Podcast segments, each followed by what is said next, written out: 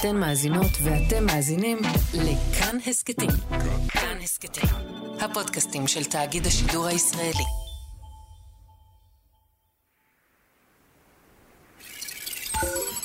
שלום, הגעתם למערכת ההודעות של סוכן חלל חיון.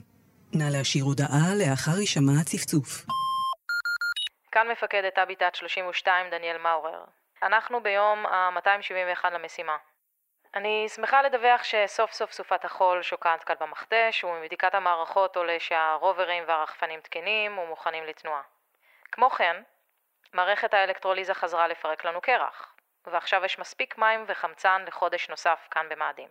מחר בבוקר אני והצוות מתכננים ללבוש את חליפות החלל ולצאת לסיור ראשון מאז תחילת סופת החול.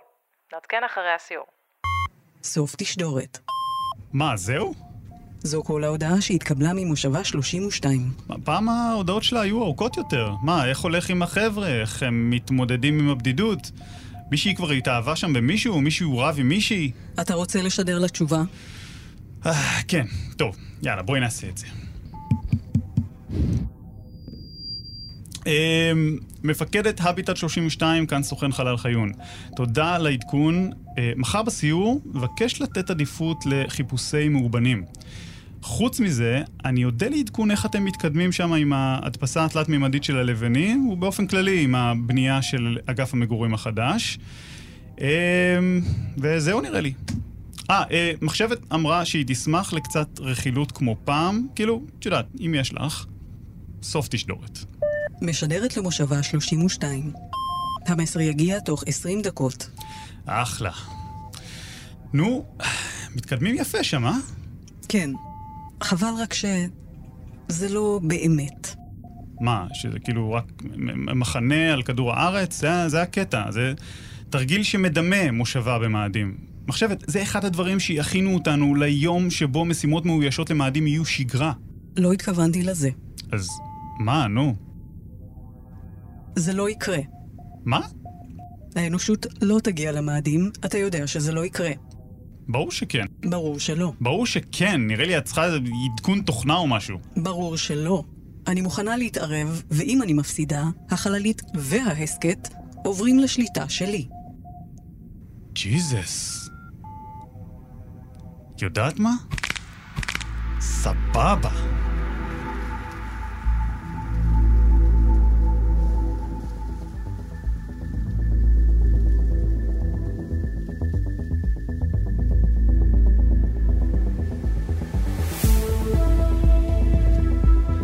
אוקיי, okay, אז נתחיל בזה שהתוכניות של נאס"א להגיע למאדים הן מאוד רציניות. ובתוך 20 שנה, אסטרונאוטים אמריקאים כבר אמורים להניף דגל על הכוכב האדום, ולפחות עם זה, אני מניח, מחשבת תסכים.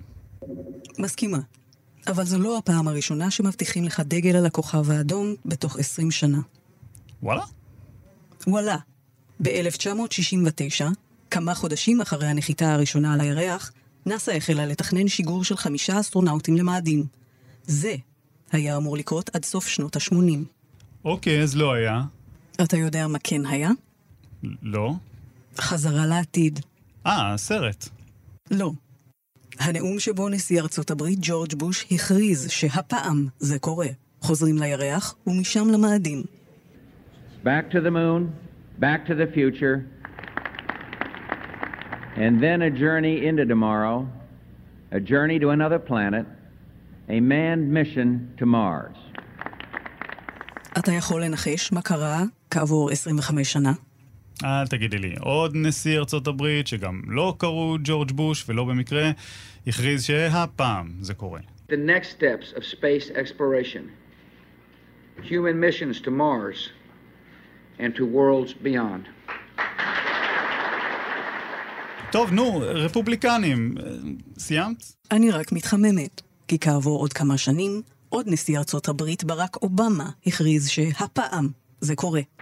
By the mid-2030s, I believe we can send humans to orbit Mars and return them safely to Earth. And a landing on Mars will follow. And I expect to be around to see it. טוב, הבנתי, כן, זה ממש בובת בבושקה כזאת של נשיאים אמריקאים שקופצים אחד מתוך השני ומכריזים משימות למאדים. בסדר. לא רק נאס"א עשתה תוכניות, היו כל מיני ארגונים ומדינות. החלום הזה לא חדש, חיון. מאז שנות ה-50 עד 2013 היו לא פחות מ-64 תוכניות להביא בני אדם למאדים. כולן דיברו על 20 שנה קדימה בממוצע. והסיבה שלא שמעת על אף אחד מהן היא כי שום דבר לא קרה. היי, hey, אל תגידי שום דבר. היו משימות רובוטיות במאדים. היה אפילו מסוק קטן. מסוק קטן? אתה יודע מה צריך בשביל להנחית בני אדם? אוכל, מים, לחץ אוויר, מערכות תקשורת וניווט, מקורות אנרגיה, תשתית היגיינה, הגנה מקרינה. זו רשימה חלקית מאוד של דברים שאין במאדים. תצטרכו להמציא אותה מחדש. אוקיי, ועדיין, קשה להתעלם מהעובדה שבשנים האחרונות אנחנו כן שומעים על זה לשם שינוי, ובכל מקום. זה בחדשות, זה בסדרות, בסרטים, זה, זה בהבטחות של המיליארדר הזה, אילון מאסק, להקים שם עיר של מיליון איש עד 2050. זה גם בכל התרגילים האלה שמדמים את מאדים בכדור הארץ, כמו מה שהיה פה בתחילת הפרק. חבורה של אנשים נכנסת לבידוד באיזה אזור נידח בעולם, בדרך כלל איפשהו עם תנאי שטח או מזג אוויר שמזכירים את המדבר במאדים, וכן, בשנים האחרונות יש יותר ויותר כאלה. במכתש רמון היה תרגיל קצר לפני כמה שנים. אגב, רק לאחרונה, נאס"א הכניסה ארבעה מתנדבים ומתנדבות לבידוד מאדימי בטקסס למשך שנה. And one year from now, when they come out with great success, we will all be here waiting. וכן, הם ממש שם עכשיו. חיים במבנה מיוחד שהודפס במדפסת תלת-ממדית, יוצאים החוצה רק בחליפות חלל, ואפילו כשהם שולחים הודעה למפקדה, הם צריכים לחכות 20 דקות, שזה הזמן הממוצע שייקח למסרים להגיע, כאילו הם באמת במאדים. זה די מרשים, מחשבת. אתה טועה אם אתה חושב שתנצח בהתערבות הזאת עם כמה סרטים הוליוודיים, הצהרות מופרכות של מיליארדר אקצנטרי וכמה אנשים מבוגרים שמשחקים בנדמה לי. אאוץ'. מחשבת, את יודעת למה אני אזכה בהתערבות על מאדים? למה? בגלל הירח. בגלל הירח. כן, כולם מבינים שהירח הוא תחנה הכרחית בדרך למאדים. גם כי יהיה קל יותר לשגר משם משימות למאדים, כוח המשיכה שם הוא שישית מכדור הארץ, וגם בעיקר כי הירח יהפוך לבסיס אימונים שבו נאמן אסטרונאוטים, נבחן טכנולוגיות. למשל, במאדים יש לא מעט קרח מים מתחת לאדמה. ואם נרצה אי פעם לחיות על מאדים, אנחנו נצטרך למצוא דרך יעילה לנצל את המים האלה. לא רק לשתייה, אלא ממש לפרק אותם למימן שממנו נפיק דלק, ולחמצן שאותו אנחנו ננשום. ווואלה, גם במכתשי הירח מתברר שיש המון קרח מים, אז, אז קודם נלמד להפיק דלק על הירח הקרוב יחסית, ואחר כך על המאדים, שהוא רחוק עשרות עד מאות מיליוני קילומטרים מאיתנו. סיימת? אני רק מתחמם.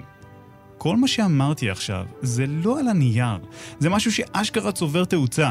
תראי את ההיסטוריה, עד 2017, במשך 45 שנה, משימות לירח היו משהו ממש נדיר. ומה קורה שם עכשיו? מי שיציץ הלילה לירח, שידע שברגעים אלה יש שבע חלליות רובוטיות, על פני הירח או במסלול סביבו. ומעכשיו עד סוף העשור, מתוכננות עשרות משימות ביותר מ-30 שיגורים. וכמה מהם בדיוק ינחיתו בני אדם, תזכיר לי? שלוש. משימות אמריקאיות בתוכנית ארתמיס, וזו רק ההתחלה. עד תחילת אמצע שנות ה-30 כבר יהיה על הירח בסיס מאויש, כדי שעד שנות ה-40 נגיע למאדים. אגב, את קולטת מה זה אומר? שאיפשהו כבר עכשיו יש כמה בני 15-20 כזה שמסתובבים בינינו בעולם, אולי אפילו מאזינים לנו עכשיו, ועדיין לא יודעים אפילו שהם הולכים לעשות היסטוריה, להיות הראשונים שידרכו על כוכב לכת אחר. אל תגידי לי שזה לא מרגש. מרגש מאוד. רק חבל שזה לא יקרה. די, איזה מעצבנת. חיון, האם אתה יודע למה כל הבטחה של כל נשיא אמריקני להגיע למאדים תוך 20 שנה נגמרה בסוף בכלום? כי פוליטיקאים אוהבים להבטיח דברים יקרים שלא יקרו בקדנציה שלהם. אתה יודע כמה יקר להקים בסיס על הירח ולהגיע משם למאדים? אה, כן, כן, יקר יותר מכל דבר אחר בהיסטוריה. תכלס, אפילו בכירים בנאס"א כיום מודים שמשגר ה-SLS, זה שאמור להביא אסטרונאוטים לירח, הוא באמת לא כלכלי בשיט. מה לעשות, רק הפיתוח של הדבר הזה נמשך 11 שנה ועלה 30 מיליארד דולר. זה פי שניים יותר זמן ממה שתוכנן ופי שלושה יותר כסף. אז בקצב הזה, עוד לפני שמתחילים לדבר על מאדים, רק החזרה לירח תהיה יקרה יותר מתוכנית אפולו שהביאה אסטרונאוטים לירח. רק שההבדל העיקרי בין אז להיום, חיון, ששום אמריקני לא היה מגיע לפני 50 שנה לירח, אילו לא הייתה מלחמה קרה עם ברית המועצות. אה, אוקיי, אוקיי, אוקיי, הבנתי לאן את הולכת עם זה. אני מסכים שמה שתכלס תדלק את המרוץ לחלל היה אווירת פחד ממלחמה גרעינית. פחד שגרם לאמריקאים להרגיש שהם חייבים לעשות הכל כדי להרתיע את ברית המועצות. להוכיח שהם גדולים וחזקים יותר, בסדר. וכן, זה נכון שאחרי שהם הגיעו לירח והרוסים לא יכלו לאתגר אותם עם איזשהו שיא גדול יותר, אז המרוץ פשוט נגמר. תוכנית אפולו הופסקה כי לא היה טעם להמשיך להגיע לירח. ושכחת רק לציין שכיום אין שום מלחמה קרה כזאת. כן, נכון, מודה שעם כל הכבוד לסינים ולנאסא, התחרות הזאת של מי יהיה הראשון להניף דגל על מאדים לא באמת מעניינת את רוב האמריקאים. זה לא מה שיגרום להם להמשיך לתת לנאסא צ'ק פתוח. ומה כן יגרום להם? שום דבר. יופי. אז אתה מסכים שגם הפעם בני אדם לא יגיעו למאדים. אתה כבר יכול להעביר על שמי את החללית. לא כל כך מהר. למה לא? כי המשימה הזאת לירח ולמאדים היא כבר לא רק של נאסא. יש פה סיפור אחר, והוא משתנה לנו מול העיניים. אתה הולך לספר סיפור? אני הולך לספר סיפור. ובשביל זה, אני צריך להחזיר אותך ואת המאזינים שלנו לשנת 2010. ב-2010 נאסא בצומת דרכים. היא יודעת שתוך שנה תוכנית מעבורות החלל תיגמר, ואז לארצות הברית לא יהיו יותר משגרים משלה. אז היא מחליטה לבנות את משגר ה-SLS, אבל כמו שאמרתי קודם, זה משגר עצום למשימות רחוקות, כמו לירח, למאדים, והם גם יודעים שייקח שנים לבנות אותו. אז מה עושים בינתיים? מה עושים כשצריך, נניח, לשגר אסטרונאוטים לתחנת החלל? אז בלית ברירה, נאס"א מחליטה לקנות כרטיסים לאסטרונאוטים שלה על משגר סויוז רוסי. ואני אומר בלית ברירה כי אף אחד לא רוצה להיות תלוי ברוסיה על הנצח. הרבה יותר טוב היה אילו רק נאס"א הייתה יכולה לקנות כרטיסים מסתם חברת שיגורים מסחרית. כמו שקונים כרטיס רגיל למושב במטוס. אבל אין חברת שיגורים מסחרית. כי שיגורים לחלל זה עסק נורא יקר. רק מדינות עשירות יתעסקו בזה. וזאת הנקודה שבה הכל התחיל להשתנות. ב-2010 נאס"א החליטה להמר ולתת כסף לחברות שהיא האמינה שיוכלו לפתח יכולות שיגור בעצמן. אחת החברות האלה הייתה סטארט-אפ לא מוכר בשם SpaceX של המיליארדר אילון מאסק. עכשיו, ההימור הזה הצליח מעבר לכל דמיון. ספייסקס אה, לא רק בונה משגרים שעד היום מביאים לחלל אסטרונאוטים, אספקה, לוויינים, החצופים האלה החליטו גם להתחרות במשגר ה-SLS של נאס"א ולבנות אחד אפילו עוד יותר חזק, שיוכל להביא מושבה של אסטרונאוטים למאדים. וגם לעשות את זה זול יותר, וגם גדול יותר. וגם לתת לו שם יותר מגניב מ-SLS, שזה אגב ראשי תיבות של מערכת שיגור לחלל, ובאותה מידה יכל אפילו להיות סתמי יותר, כמו someone launching something, מישהו משגר משהו. בקיצור, למשגר של ספייסקס קוראים סטארשיפ. זה שם שנותנים לספינת חלל. ונאס"א בעצמה כבר החליטה לשלב את הטיל הזה במשימות לירח. מודה שזה לא יהיה קל להעיף טיל לחלל בגודל של מגדל שלום, אבל המפלצת הזאת כבר בשלבי ניסוי מתקדמים. זה מרגש לא מעט אנשים. It's in space. It's in space. oh god. Starship is in space. עכשיו אתם בטח שואלים את עצמכם, איך לעזאזל זה קורה? כאילו, מה? אילון מאסק, ההוא שלא בא בכלל מתחום החלל, הקים חברה שתמציא מחדש טילים שבנאסא לא חשבו עליהם? ולעשות את זה בפחות זמן וכסף? בנאסא לוקחים יותר הפסקות צהריים? מה נסגר? אז ההבדל העיקרי הוא שנאסא היא חברה ממשלתית. כשנגמר לה הכסף למשהו, אז הממשל יכול פשוט להחליט שנותנים לה עוד כסף. ספייסקס היא חברה מסחרית, וכשלה נגמר הכסף, היא מתה. אז היא חייבת להיות רווחית כדי לשרוד. וכדי להיות רווחית, היא חייבת לקחת סיכונים ולחשוב על רעיונות משוגעים וחדשניים שיהיו פורצי דרך. אם הם פשוט יבנו טיל שיהיה מבוסס על טילים ישנים, כמו שנאסא עשתה עם ה-SLS, אז הם יהיו תקועים בעבר, וזה לא יהיה רווחי. אז כבר מההתחלה, אחד הדברים הראשונים שספייסקס הבינה שהיא חייבת לעשות, זה לייצר משגר רב פעמי. כזה שאחרי שהוא טס לחלל, במקום ליפול לים כמו כל המשגרים, הוא נוחת בחזרה ואפשר להשתמש בו שוב. זה כמו ההבדל בין לקנות כרטיס טיסה למטוס שיכול לטוס רק פעם אחת ואז הוא נהרס, לבין מטוס שיכול לטוס הרבה פעמים. וקשה להאמין, אבל כל המשגרים עד לא מזמן היו חד פעמיים. וזה עולה טונות של כסף.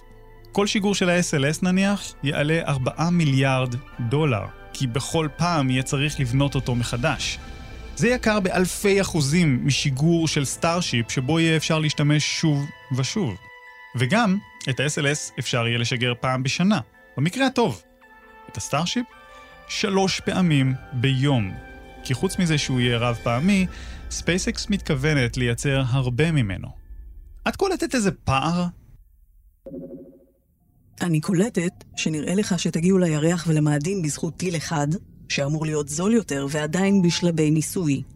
גם, אבל לא רק. כל הסיפור הזה הוא רק חלק מתופעה הרבה יותר גדולה. וכאן אנחנו בעצם מגיעים לסיבה העיקרית שבגללה אני הולך לנצח בהתערבות. את מוכנה? אני מזומנה. אני הולך לעשות לך פה טוויסט בעלילה מהסרטים. אתה בעצם רוח רפאים כמו בסרט החוש השישי? מה? לא. אתה ואני זה בעצם רק אתה שהמצאת אותי כמו במועדון קרב? אתה קייזר סוזה ורימית את כולם כמו בחשוד המיידי? די, די, נו. אנחנו נצליח בסופו של דבר להקים מושבה אנושית על הירח ועל המאדים, רק שהטוויסט הוא שהסיבה לזה לא באמת קשורה לירח או למאדים. היא קשורה לדרך עצמה שצריך לעשות כדי להגיע לירח ולמאדים. מה? אז ככה, נתחיל מזה ששום בן אדם שפוי בחיים לא יעדיף לגור במאדים. או בירח. לעולם. אני יודע שיש כל מיני סרטי מדע בדיוני כאלה, שבהם יש איזו אפוקליפסה, ומאדים הופך להיות הבית השני שלנו, וזה בכלל לא מציאותי בשום מצב בעולם. כדור הארץ, עם משבר אקלים, מלחמה גרעינית ועם מתקפת זומבים, עדיין יהיה מקום הרבה יותר נוח ממאדים. שלא לדבר על הירח. העניין הוא שבניגוד ללפני 60 שנה, המרוץ לירח ולמאדים היום הוא לא איזו תחרות שאתה רוצה לנצח בה כדי להראות לכולם שאתה עוצמתי ועשיר יותר. זה מרוץ שעצם ההשתתפות בו הופכת אותך לעוצמתי ועשיר יותר. יש כאלה שחושבים שהמרוץ לירח הוא איזה מאבק על משאבים מיוחדים שיש בירח, אה, כמו נניח הליום 3. זה חומר כזה שאפשר להפיק ממנו דלק יעיל ונקי, אבל זה לא באמת לב העניין. זה באמת בעיקר העובדה שהירח ומאדים הפכו למאיצי טכנולוגיה וכלכלה. ניקח רגע את ההודים, לדוגמה, שאגב, הנחיתו חללית על הירח לאחרונה. אין לי ספק שיש מדענים הודים שהכי מעניין אותם בעולם זה למדוד את הטמפרטורה של אדמת הירח. אבל הסיבה העיקרית שהודו מכוונת לירח היא כי זה הופך אותה למעצמה טכנולוגית שמראה למעצמות אחרות שכדאי לעשות איתה עסקים. וזה הולך לה. בענק. שוב, הודו היא רק דוגמה, אחת מתוך עשרות מדינות שרוצות להשתתף במרוץ הזה. בתוכנית ארתמיס, שארצות הברית מובילה, משתתפות כבר יותר מ-30 מדינות, כולל ישראל. ולא רק מדינות רוצות להשתתף, הסיפור הכי מעניין הוא של חברות מסחריות. וגם כאן צריך להסתכל על הדרך יותר מאשר על המטרה. אין לי ספק שמאסק רוצה להקים מושבה במאדים, אבל האמת היא שאם הסטארשיפ יהיה מסוגל להביא אנשים לירח ולמאדים בזול, הוא פשוט יהפוך למכונת כסף משוגעת. כי כשאתה יכול לשגר כל כך הרבה משקל בכל כך מעט כסף יחסית, אז יהיו לך הרבה מאוד לקוחות. מאסק בעצמו מתכוון להשתמש בסטארשיפ כדי להשלים את פרויקט סטארלינק שלו. עשרות אלפי לוויינים קטנים שירשתו באינטרנט את כל העולם. וסטארשיפ זו אולי הדוגמה הכי מפורסמת, אבל יש בעולם כבר מאות חברות שקפצו על העגלה הזאת. שוב, חלק קטן מהן אפילו כאן, בישראל. וגם כאן הדרך מעניינת לא פחות מהמטרה. חברת הליוס נניח, יצאה לפתח טכנולוגיה שתחלץ חמצן מחול, חול בירח, ובינתיים, על הדרך, הם גילו שהטכנולוגיה הזאת תאפשר להם להפיק מחול לא רק חמצן, אלא גם ברזל. ולא בירח, אלא כאן, בכדור הארץ. ושזה יעלה חצי ממה שעולה היום להפיק ברזל. אם היא תצליח, זאת תהיה לא פחות ממהפכה. עכשיו, האם הליוס הייתה מגיעה לפריצת הדרך הזאת בלי כל הקטע הזה של להפיק חמצן מכל ירח? גם בהליוס מודים שאין מצב. מתברר שהם היו חייבים את אתגר הירח.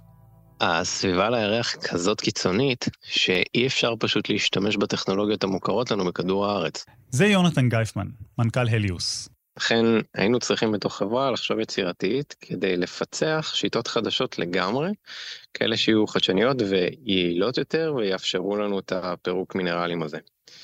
תוך כדי העבודה הזאת ופיתוח שיטות חדשות לפיתוח תהליכים כימיים, אה, נולדו עוד כמה אה, תהליכים כימיים, טכנולוגיות שמעולם לא ניסו אותם, ומאפשרות לנו שיטה חדשה להפיק ברזל ועוד מספר מתכות בצורה שהיא יותר יעילה ונקייה. הסיפור הזה חוזר על עצמו בכל מיני גרסאות. האתגרים הקיצוניים במסע לירח ומאדים מצריכים יצירתיות כזאת משוגעת, שפעם אחר פעם הפתרונות לחלל מתגלים שימושיים גם כאן, בכדור הארץ. תחשבו על זה שנייה. מושבה במאדים תצריך רובוטים עצמאיים כמעט לגמרי, מדפסות תלת-מימד שיוכלו לייצר מבנים שלמים, דרכים חדשות לגמרי להפיק אנרגיה ואז להעביר אותה בדרכים שהיום נראות לנו מדע בדיוני. כל הדברים האלה, בסופו של דבר, ישמשו גם את החיים בכדור הארץ. אז נכון, הרבה נשיאים אמריקאים הבטיחו להגיע למאדים וזה לא קרה, אבל הפעם זה לא סיפור שממשלה אחת כותבת אותו. סוכנות חלל אחת שצריכה סכום דמיוני כדי לעשות את הבלתי אפשרי. הסיפור של המסע לירח ולמאדים הוא כבר סיפור של הרבה מחברים. כך שלמרות שסוף הסיפור ידוע, והוא שאני מנצח בהתערבות הזאת כמובן, הדרך לשם עוד רצופה התפתחויות וטוויסטים שקשה לצפות. עוד עשרים שנה, חיון, אנחנו נחזור לשמוע את הפרק הזה, ונראה. יאללה, קבענו. למרות שגם אם תנצח, יש באג בסיפור שלך. איזה באג? אילו בני אדם היו מודעים למחיר של הגעה למאדים, לא הגיוני שמשנות החמישים היו יותר מ-60 תוכניות כאלה. אני מסכים שזה נראה כאילו משהו פה דפוק, אבל האמת היא שזה לא באג, זה פיצ'ר.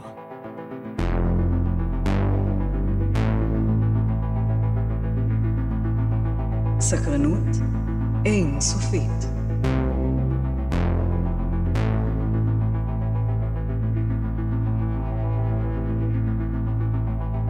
לפני 250 שנה, תושב כדור הארץ ג'יימס קוק נעשה האדם הראשון שחצה את החוג האנטרקטי והגיע לקוטב הדרומי.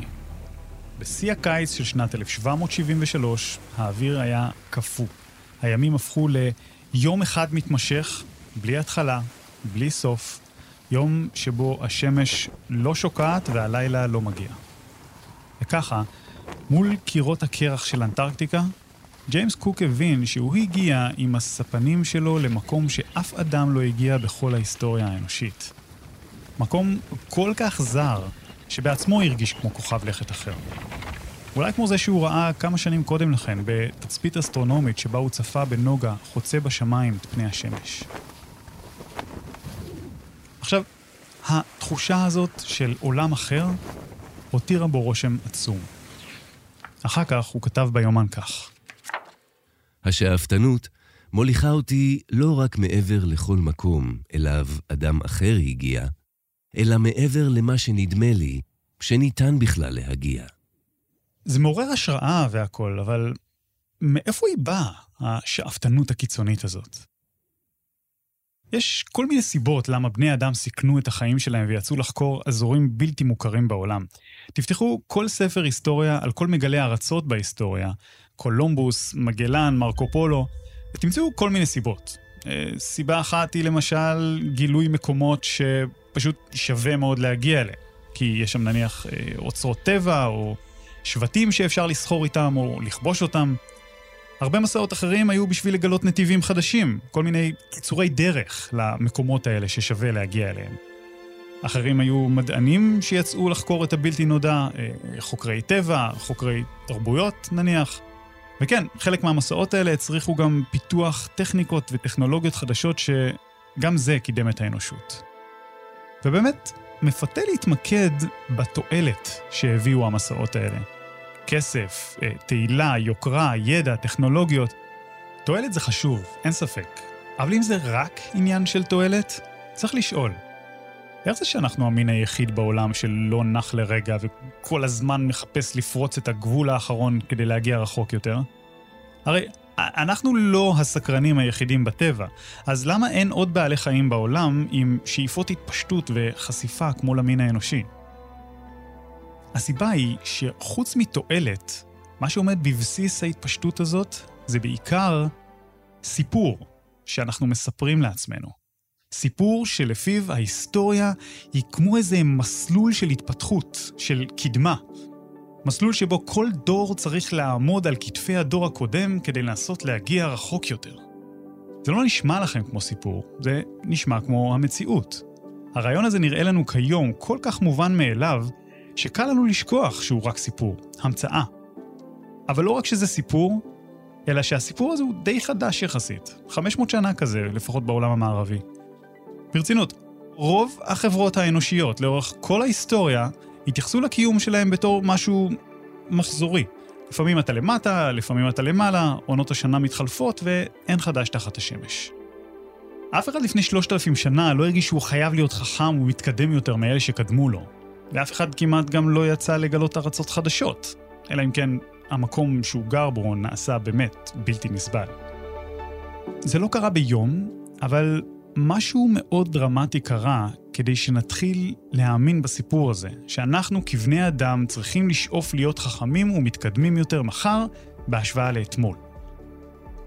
הדברים הדרמטיים האלה שקרו היו תהליכים חברתיים, כמו הרנסאנס, המהפכה המדעית בעיקר, עוד כמה דברים שצריך פודקאסט אחר כדי לספר אותם, אבל השורה התחתונה היא שהסיפור היחסית חדש הזה הוא זה שמניע את העולם מתחת לכל התועלת והכסף, הידע והטכנולוגיות, היוקרה והכבוד. הוא הסיבה העמוקה שהחלום ליישב את מאדים צץ פעם אחר פעם והוא מסרב למות. תאמינו לי שאין שום היגיון להתיישב במאדים, כמו שאין היגיון להתיישב באנטארקטיקה. אבל האסטרונאוטים הראשונים שיפרצו את הגבול הזה ויגיעו למאדים, הם התבוננו בגבעות האדומות שם כמו שג'יימס קוק התבונן לראשונה בגבעות הלבנות לפני 250 שנה. וכמוהו, הם ידעו שזה היה שווה את זה.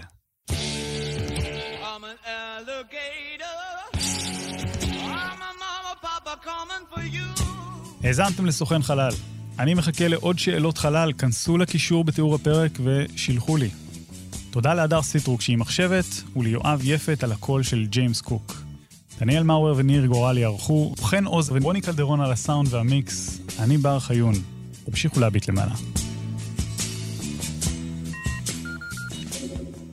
נא להשאיר הודעה לאחר הישמע הצפצוף. זה חי. אני חוזרת, זה חי. יש לו שיניים חדות, הוא נראה אה, אה, פרוותי, אני חושבת שזה הולך ל... ל... מה? אה, זה הכלב שלך?